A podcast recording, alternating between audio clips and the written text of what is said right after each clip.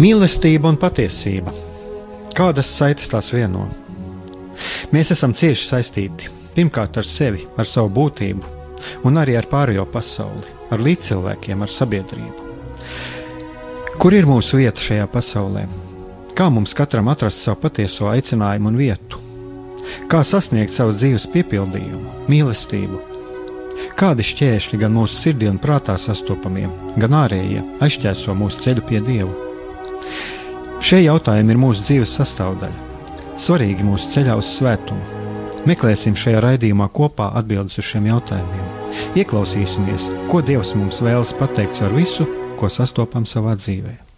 Lai mūsu sirds un prāti atveras mīlestībai un patiesībai. Raidījums mīliet cits citu.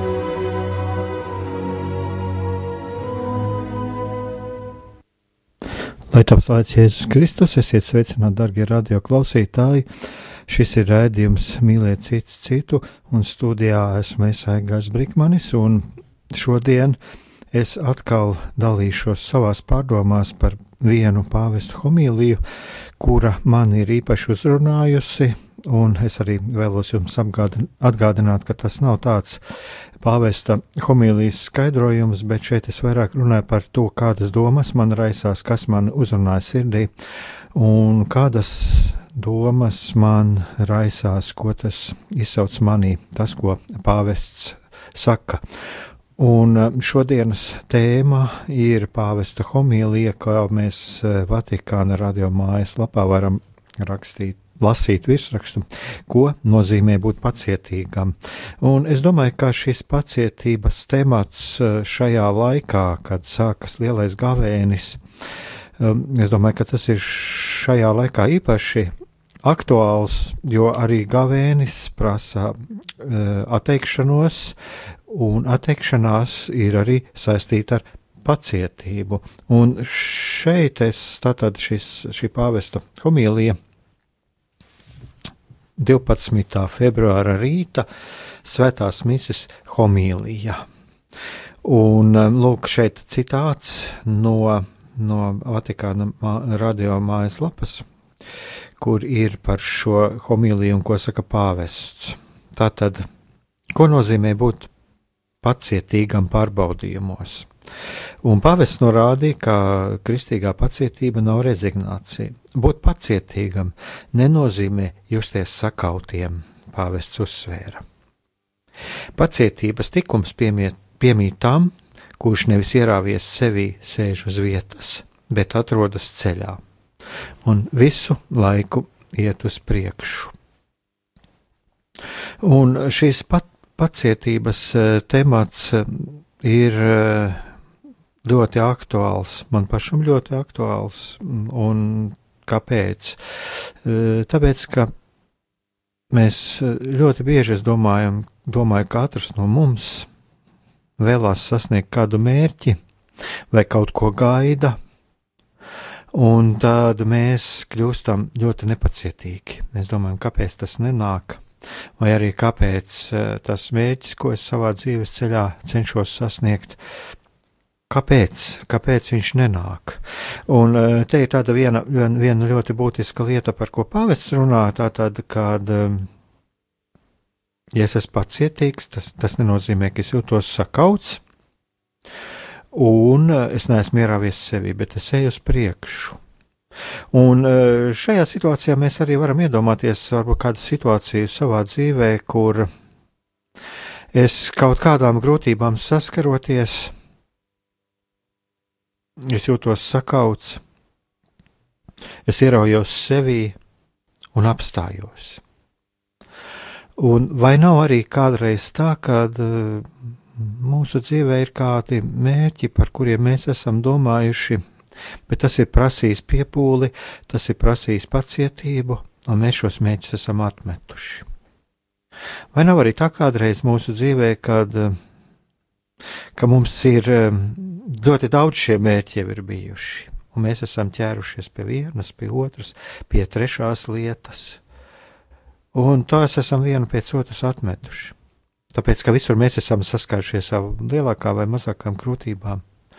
Un šajā gadījumā es arī nerunāju tik daudz par, par kaut kādām laicīgām lietām, bet es runāju gan par laicīgām, gan par, gan par garīgām lietām, jo tas, kas mūsu dzīvē notiek, tas jau ir arī saistīts arī ar mūsu garīgo dzīvi. Un ja mums ir problēmas turpināt ceļu laicīgajos sasniegumos, kā tad mēs varam domāt par to, kā mums sasniegt tādu garīgu mērķi. Tātad ir svarīgi arī š, apstāties pie tā un padomāt par šo lietu, vai es arī nesmu tas, kurš ir rāvies sevī, sēž uz vietas, jo man vienkārši trūcis pacietības, man ir trūcis pacietības, saskaroties ar grūtībām, saskaroties arī ar laiku. Jo bieži vien līdz kādam mērķim mums ir laiks, mums priekšā ir laiks, mums jāpārvar kāds laika periods. Kā ir ar mums? Vai mēs sēžam uz vietas, vai esam ceļā?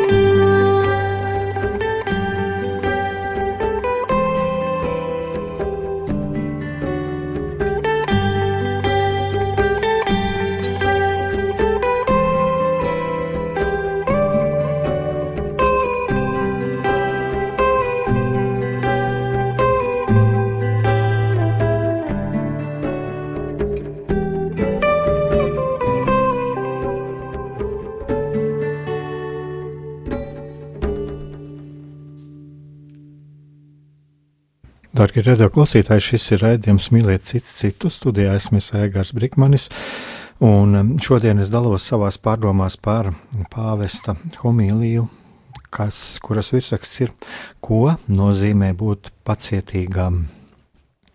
Un Es jau arī pieskāros šīm, šai lietai, cik ļoti svarīgi ir būt pacietīgām, un arī šim jautājumam, kas tad ir tas, kas, tas, kas mums ierobežo šo ceļu uz mērķi. Un, piemēram, viena no tādām lietām var būt arī laiks un grūtības, un cik bieži mēs apstājamies ceļā uz savu mērķi, arī grūtību priekšā mēs vienkārši nevēlamies, nevēlamies piepūlēties. Un eh, šeit varbūt arī Kādreiz mums var trūkt drosme, jo viena no lietām, kas ir arī, mums ir jābūt tomēr arī drosmīgiem, un mums ir jābūt arī drosmīgiem, varbūt atzīt to, ka ne katrs mērķis, ko mēs esam iedomājušies, ir mums sasniedzams. Un eh, šeit arī pāvests turpina. Viņš eh, atsaucās uz apustuli Jēkabu, kurš raksta: Jūsu ticības pārbaudīšana rada izturību. Katrā ziņā, e, tuvojoties kādam mērķim un e, sastopoties ar grūtībām, mēs norūdāmies. Mēs norūdāmies, mēs varam norūdīties garīgi, intelektuāli, fiziski. Un e, tālāk Francisks pieskaras trīs punktiem, un viņš uzsver, ka pirmkārt būt pacietīgam nenozīmē nolaist rokas, vai justies sakautam, par ko jau, par ko jau es ieminējos. Otrkārt, tas nenozīmē ignorēt savus ierobežojumus, un treškārt, būt pacietīgam nozīmē neaizmirst pievērst uzmanību paša dieva pacietībai un sekot Jēzus paraugam. Ja mēs pievēršamies šim otrkārt, tātad Būt pacietīgam tas nenozīmē ignorēt savus ierobežojumus. Un es jau pieminējos par pazemību. Bieži vien mums ir vajadzīga šī pazemība, un pazemībā pieņemt, ka mēs ne visu spējam. Un var gadīties kādreiz, ka mūsu mērķus ierobežo kādas fiziskās, fiziskā ierobežotība. Tas varētu teikt tā kā sportistam, lai sportists kaut ko sasniegtu, viņam ir vajadzīgas kaut kādas fiziskais spēks, fiziskās spējas. Bet tas varbūt arī kaut kāds ierobežojums, mūsu zināšanu ierobežojums, mūsu kaut kāds intelektuālās robežas, kuras vienkārši mums traucē, ir kā traucēklis sasniegt mūsu mērķi.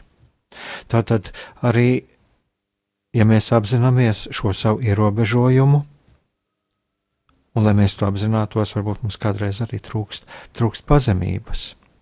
Mums trūkst pazemības kādā jautājumā, kad mums vienkārši var trūkt zināšanu, un mums ir jāpamācās mazliet, ir kaut kas jauns jāapgūst, lai mēs šo mērķi sasniegtu.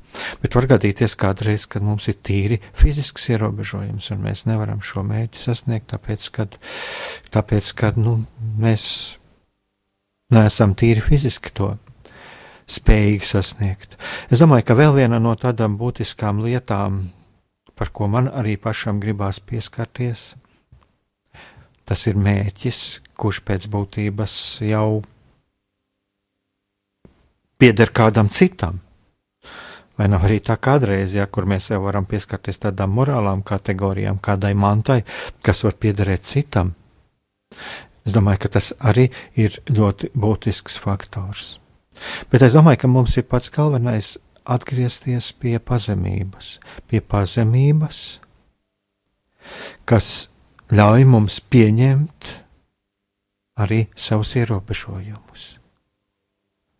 Un šajā gadījumā es domāju, ka pazemība ir arī viena no lielākajām dāvanām, jo tad, kad es pazemībā esmu pieņēmis, ka ir lietas, ko es nevaru, ko es nespēju objektīvu apstākļu dēļ sasniegt, manā sirdī iestājas miers. Un tad es pieņemu šo situāciju, manā sirdī iestājas miers nostājas daudzas lietas savās vietās, manā sirdī un prātā apklust vētras, un man pavērās jauns ceļš manā dzīvē, jo tad es sadzirdu to, uz ko man aicina Dievs. Un trešais, uz ko aicina pāvests, tas ir neaizmirst pievērst uzmanību paša dieva pacietībai un sekot Jēzus paraugam. Un es domāju, te ir viena no ļoti, ļoti būtiskām lietām, ja mēs skatāmies uz Dieva pacietību, tas ir, kas man uzreiz nāk prātā, tas ir attiecības ar cilvēkiem. Jo vai nav tā, ka mums ļoti bieži gribas otrā cilvēkā kaut ko redzēt? Un tas var būt arī labas lietas, un es tiešām šeit vairāk runāju par labām lietām. Mēs vēlamies redzēt otrā cilvēkā garīgu izaugsmi. Mēs vēlamies, lai cilvēks atbrīvotos no kādiem saviem netikumiem, grēkiem. Mēs to ļoti vēlamies. Bet vai nav tā, ka mēs kādreiz cenšamies izdarīt kādu spiedienu, ka mēs cenšamies tik izmisīgi cīnīties par šī otra cilvēka labumu, ka mēs vairs neatstājām vietu dievam? Lūk, ļoti svarīgi tāpēc arī šeit ir paskatīties, ko darīja Jēzus. Un tas ir eh, arī jāredz tas, ka Jēzus nebija tas, kurš klusēja. Ja Jēzus redzēja grēku, viņš par viņu runāja. Ja Jēzus gribēja uzmundrināt, viņš uzmundrināja. Jēzus nebija pasīvs, viņš nestāvēja malā.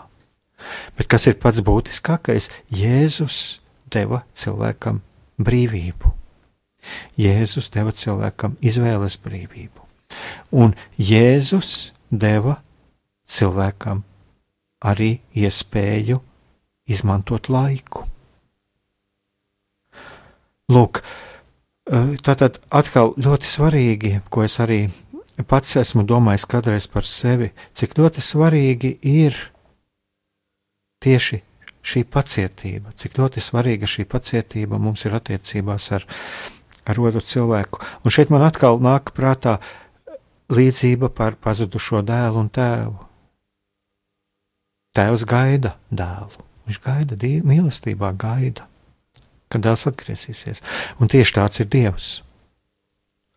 Tā tad pacietība, pacietība sekot Jēzus paraugam pacietība attie attiecībās ar otriem cilvēkiem, ar citiem cilvēkiem, ar otru, ar tuvāko. Cik ļoti mums ir vajadzīga šī pacietība, ja mēs vēlam cilvēkam labu. Ja mēs vēlamies cilvēkam labu, tad mēs neskrienam dievam pa priekšu, bet mēs esam viņam blakus. Mēs esam viņam blakus un atvēltam laiku arī lūkšanai par šo cilvēku.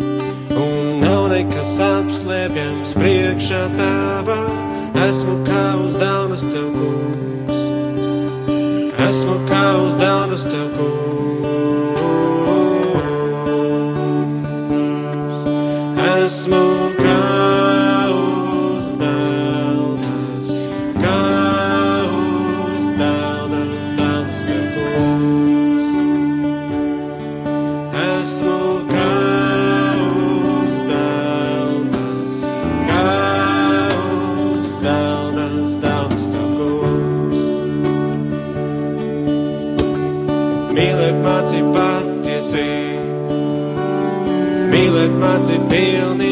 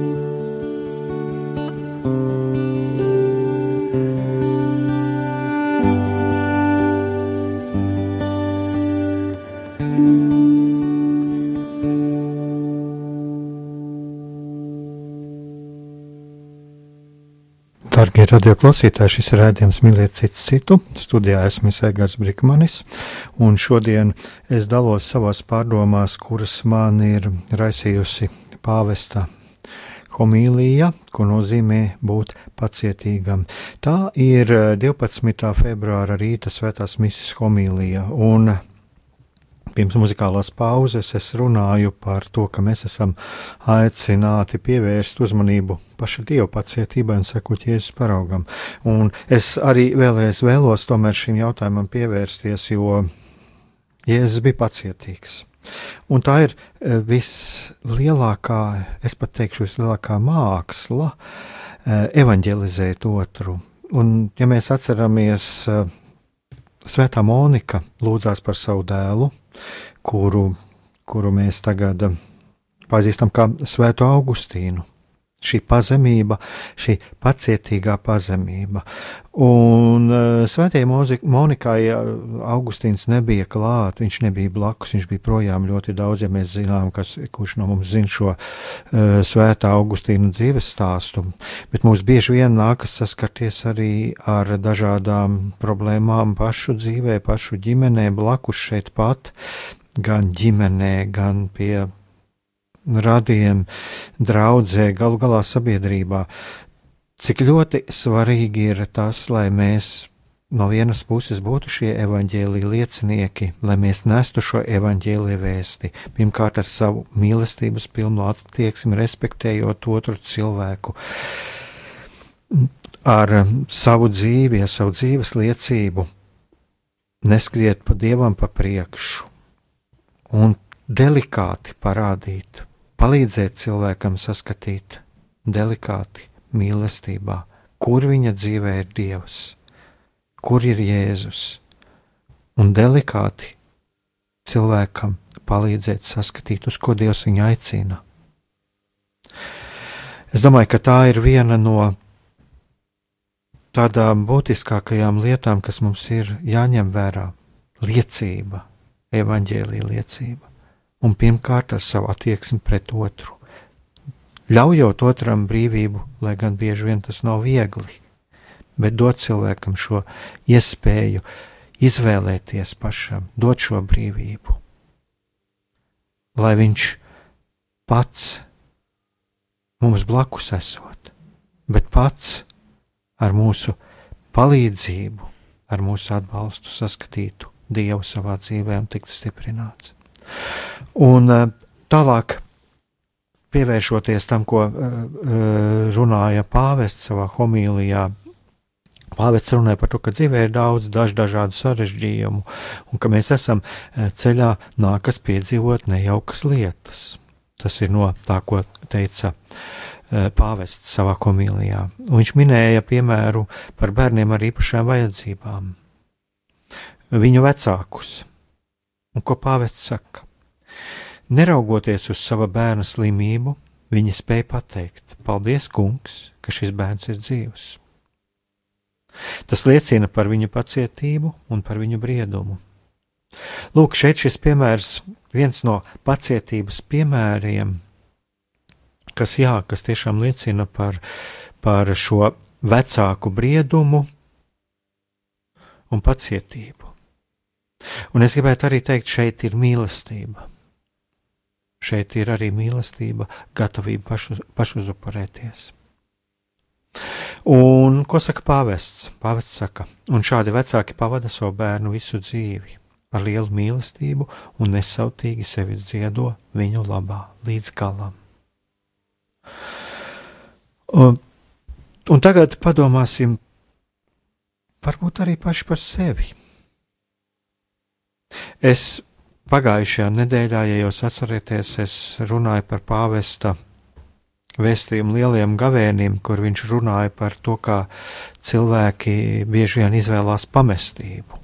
Viņi izvēlās pamestību. Un eh, kāpēc viņi izvēlās šo pamestību? Tāpēc, ka viņi dzīvo šā, šajā savā egoismā. Viņi grib, viņi grib būt materiāli nodrošināti, viņi grib eh, baudīt, un otrs cilvēks viņiem ir traucēklis. Ceļā uz šīm baudām, uz šo, uz šo materiālo labklājību. Un tas nebūtu nav pretrunā, mīlestība nav pretrunā arī ar materiālo labklājību. Dievs nebūtu nevēlas, lai mēs dzīvotu trūkumā. Bet eh, kāpēc pamestība? Pamestība tāpēc, ka Dieva vietā mēs izvēlamies pavisam kaut ko citu. Pat bieži vien šķietam ir labas lietas, bet mēs aizmirstam Dievu. Un lūk, šeit ir šis piemērs, šis radikālais piemērs par šiem vecākiem, kuri ir kopā ar saviem bērniem, neskatoties uz to, kādā stāvoklī ir šis bērns. Šis bērns ir ar īpašām vajadzībām. Bet vecāki, kā saka, pāvests gadiem ilgi rūpēties par bērnu invalīdu, par slimu bērnu nav viegli. Taču prieks par to, ka ir šis bērns, dod vecākiem spēku iet uz priekšu. Un te man nāk prātā kāds cits jautājums, kas ir mūsu laikā ļoti aktuāls un par ko ļoti daudz tiek runāts, tas ir ģimenes krīze. Un tiek uh, izdomāti, un es tiešām uzdrošinātos teikt, izdomāti dažādi iemesli, kad ģimeni apdraudot uh, dažādas ideoloģijas un tā tālāk. Protams, ir lietas, kas no ārpuses ģimeni apdraud ir tās lietas, jā, bet, bet par šīm lietām ir arī ļoti daudz konspirāciju teoriju. Bet uh, es tomēr gribētu pievērsties pie mūsu pašu sirdīm, kas ir mūsu sirdīs iekšā, kas ir manī pašā. Kāpēc ir šī ģimenes krīze? Kāpēc cilvēki nespēja nodzīvot ģimenē, laulībā, mīlestībā? Es domāju, ka atbilde ir viena. Cilvēks ir novērsies no tā, uz ko viņa aicina Dievs. Viņš ir novērsies no mīlestības. Un cik bieži mēs redzam to, kā tiek pamestas ģimenes, kā, kā laulātie šķiras, kā paliek aiz viņiem nelaimīgi bērni. Kāpēc? Tāpēc, ka lūk, trūkst šīs mīlestības. Un tālāk, atgriežoties arī pie šīs dienas temata, kur ir mīlestība, tur ir vajadzīga arī pacietība. Tur ir arī vajadzīga pacietība būt kopā ar otru cilvēku. Mēs nevaram būt kopā ar otru cilvēku, dzīvot kopā ar otru cilvēku, kopībā, laulībā, kopienā, vienalga, kur kādās cilvēku sabiedrībā, ja mums nav šīs pacietības. Ja mums nav pacietības būt, būt kopā ar otru. Un um, kā pāvests runā par šiem bērniem ar invalīdiem, par slimiem bērniem, ka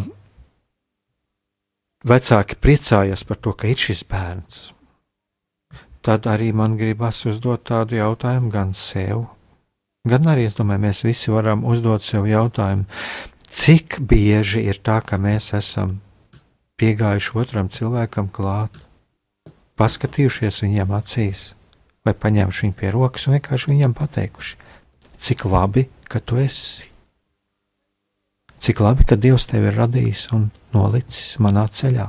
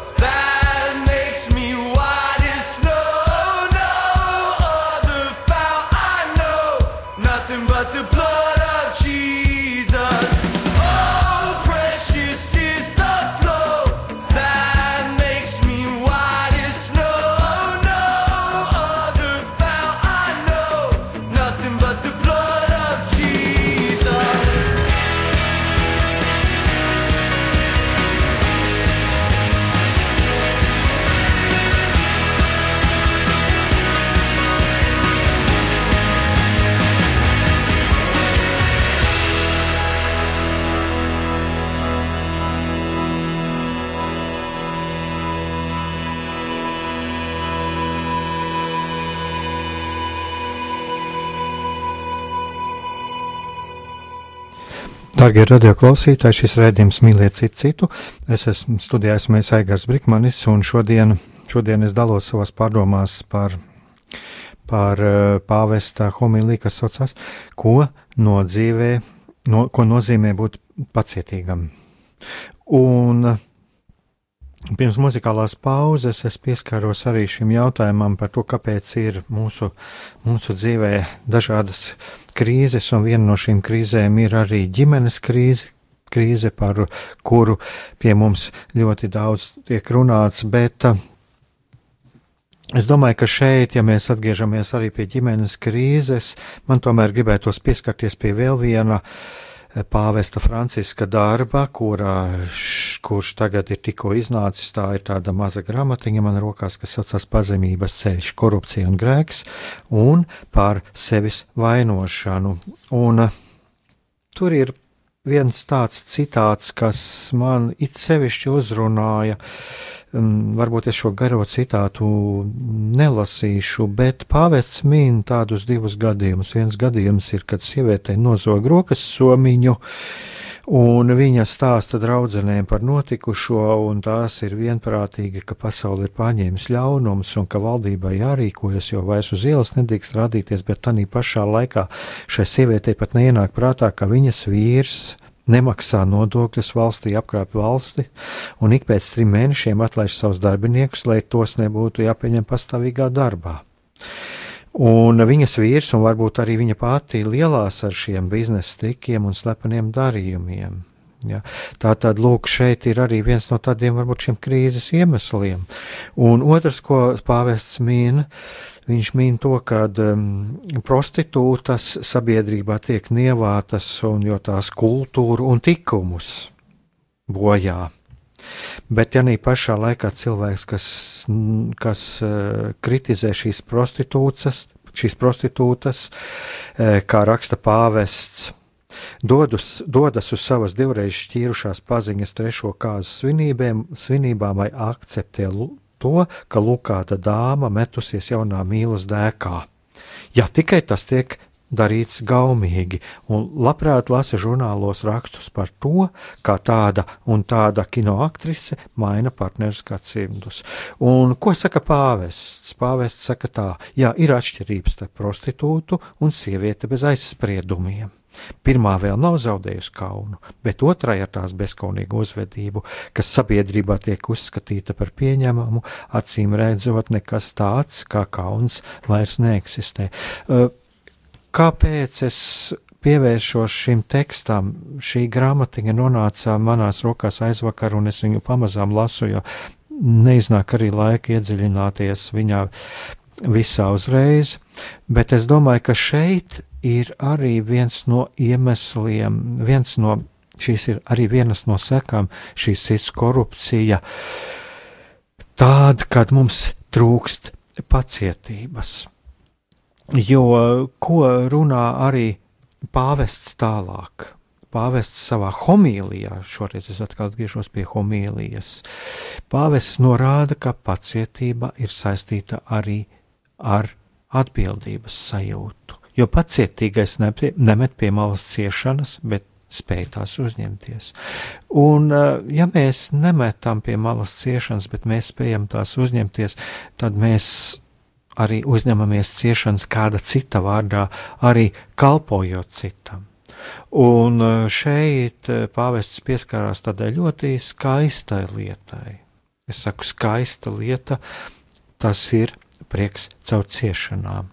Un uh, šeit arī, kur atrodas Radio Marija, šeit pat ir blakus bīskapa Sloskāna muzejs, un kas ir e, lasījuši bīskapa Sloskāna biogrāfiju, droši vien atcerās šo situāciju, kad viņa čekā spīdzināja, un viņš smaidīja. Ja, un kad viņš atzina, ka viņš šeit, kā arī viņš tur, ja viņš ir brīvs.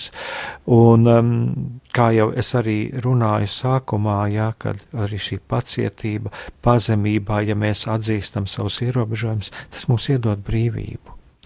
Bet viena no lietām, ko es tagad atkal griežoties pie pāvesta rakstītā, pie pāvesta teiktā, lai cik tas neliktos paradoxāli, pacietīgais uzskata pārbaudījumus par prieku. Būt pacietīgam nozīmē uzņemties uz sevis problēmu, jeb nest to uz saviem pleciem, bet nevis uzvelt to citam. Lūk, tas ir tas, ko teica pāvests. Un, um, un tas, uh, kāpēc es arī paņēmu šo, šo grāmatiņu, pazemības ceļš, kur pāvests raksta un ļoti asiem vārdiem runā par šo liekulību, ka pēc būtības jau šī deformācija mūsu sirdīs, mūsu prātos ceļas no tā, ka mums eh, arī trūkst pacietības uzņemties, uzņemties šo nastu, uzņemties problēmu, nest to uz saviem pleciem. Un uh, bieži vien mums nākas nest arī otra cilvēka krustu.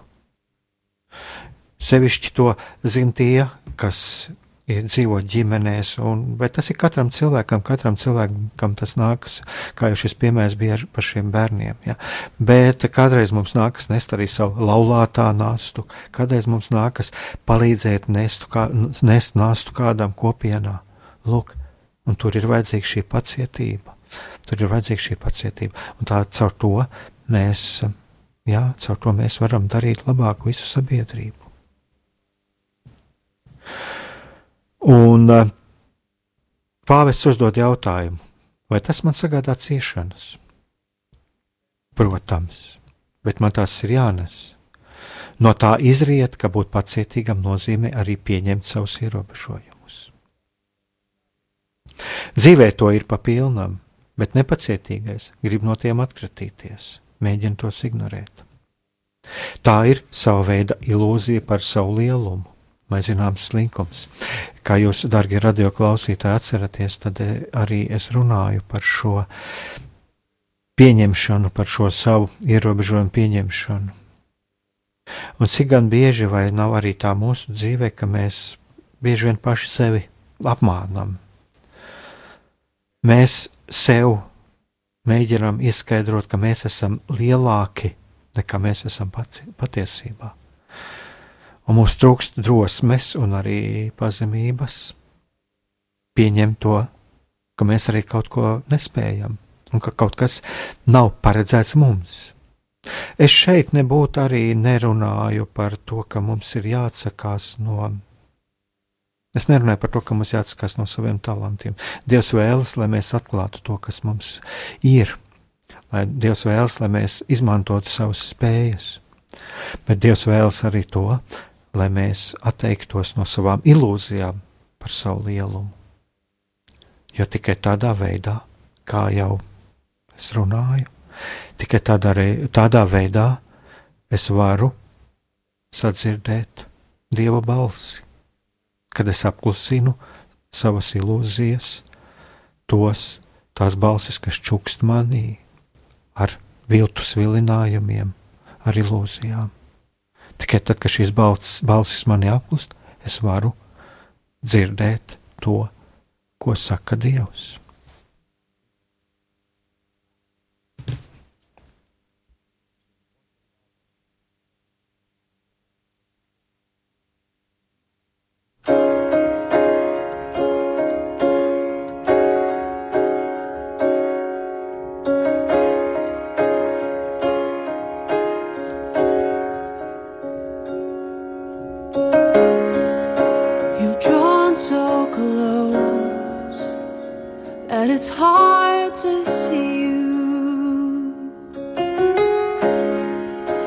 Speak so softly that it's hard to hear you.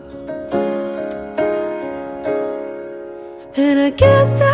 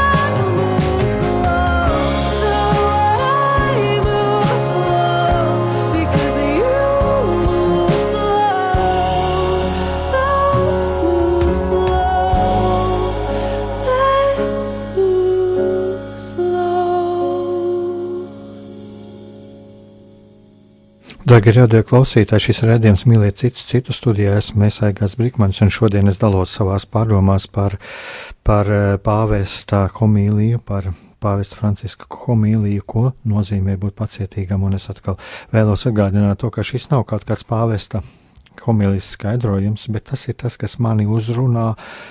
Un kādas pārdomas manī raisa arī šie pāvesta vārdi. Un kā jau lasot, kā kādu šādu tekstu, katram var rasties kādas atsevišķas pārdomas, jo mēs katrs esam ar savu pieredzi, ar savām, mm, to, kas mums katram ir sevišķi aktuāls, ar savu, ar saviem pārdzīvojumiem, savu piedzīvoto. Nu, lūk, un es eh, jau pamazām, pamazām mūsu rādījums tuvojas noslēgumam, un es vēlos tātad arī jau pievērsties tam, ar ko noslēdz, noslēdz pāvests savu homīliju. Un mm, pāvests saka tā, eh, ka nav viegli labi izprast, kas ir pacietība.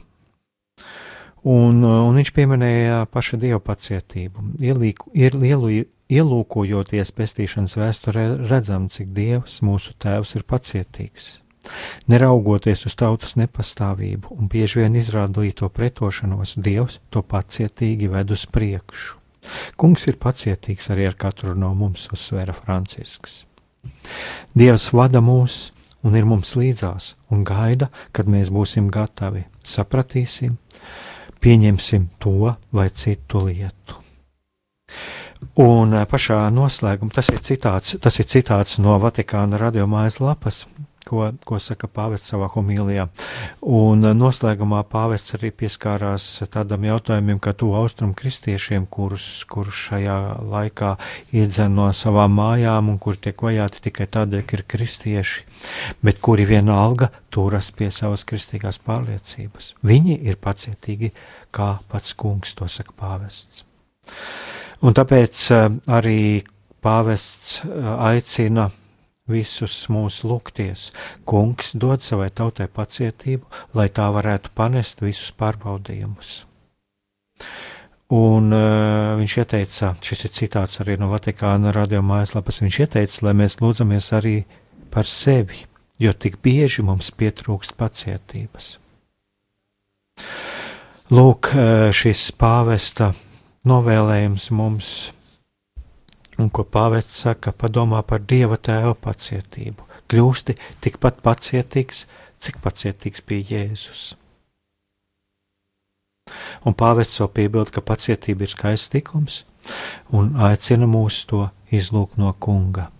Tātad, darbie radioklausītāji, arī es šajā, raid, šajā raidījuma noslēgumā vēlos mums visiem novēlēt šajā, šajā gavēņa laikā būt pacietīgiem, kāds bija pats Jēzus, jo tad arī mēs nesīsim skaistus augļus gan savā dzīvē, gan arī pārējiem cilvēkiem, kas ir mums apkārt un sabiedrībai, lai mūs pavada visus Dieva žēlastība uz sadzirdēšanos nākamajā reizē.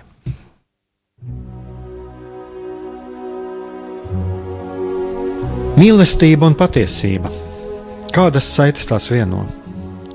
Mēs esam cieši saistīti pirmkārt ar sevi, ar savu būtību, un arī ar pārējo pasauli, ar līdzcilvēkiem, ar sabiedrību. Kur ir mūsu vieta šajā pasaulē? Kā mums katram atrast savu patieso aicinājumu un vietu? Kā sasniegt savas dzīves piepildījumu, mīlestību? Kādi šķēršļi gan mūsu sirdī un prātā sastopamie, gan ārējie aizķēso mūsu ceļu pie Dieva? Šie jautājumi ir mūsu dzīves sastāvdaļa, svarīgi mūsu ceļā uz svētumu. Meklēsim šajā raidījumā kopā atbildes uz šiem jautājumiem. Ieklausīsimies, ko Dievs mums vēlas pateikt ar visu, ko sastopam savā dzīvē. Lai mūsu sirds un prāti atveras mīlestībai un patiesībai. Raidījums mīliet cits citu.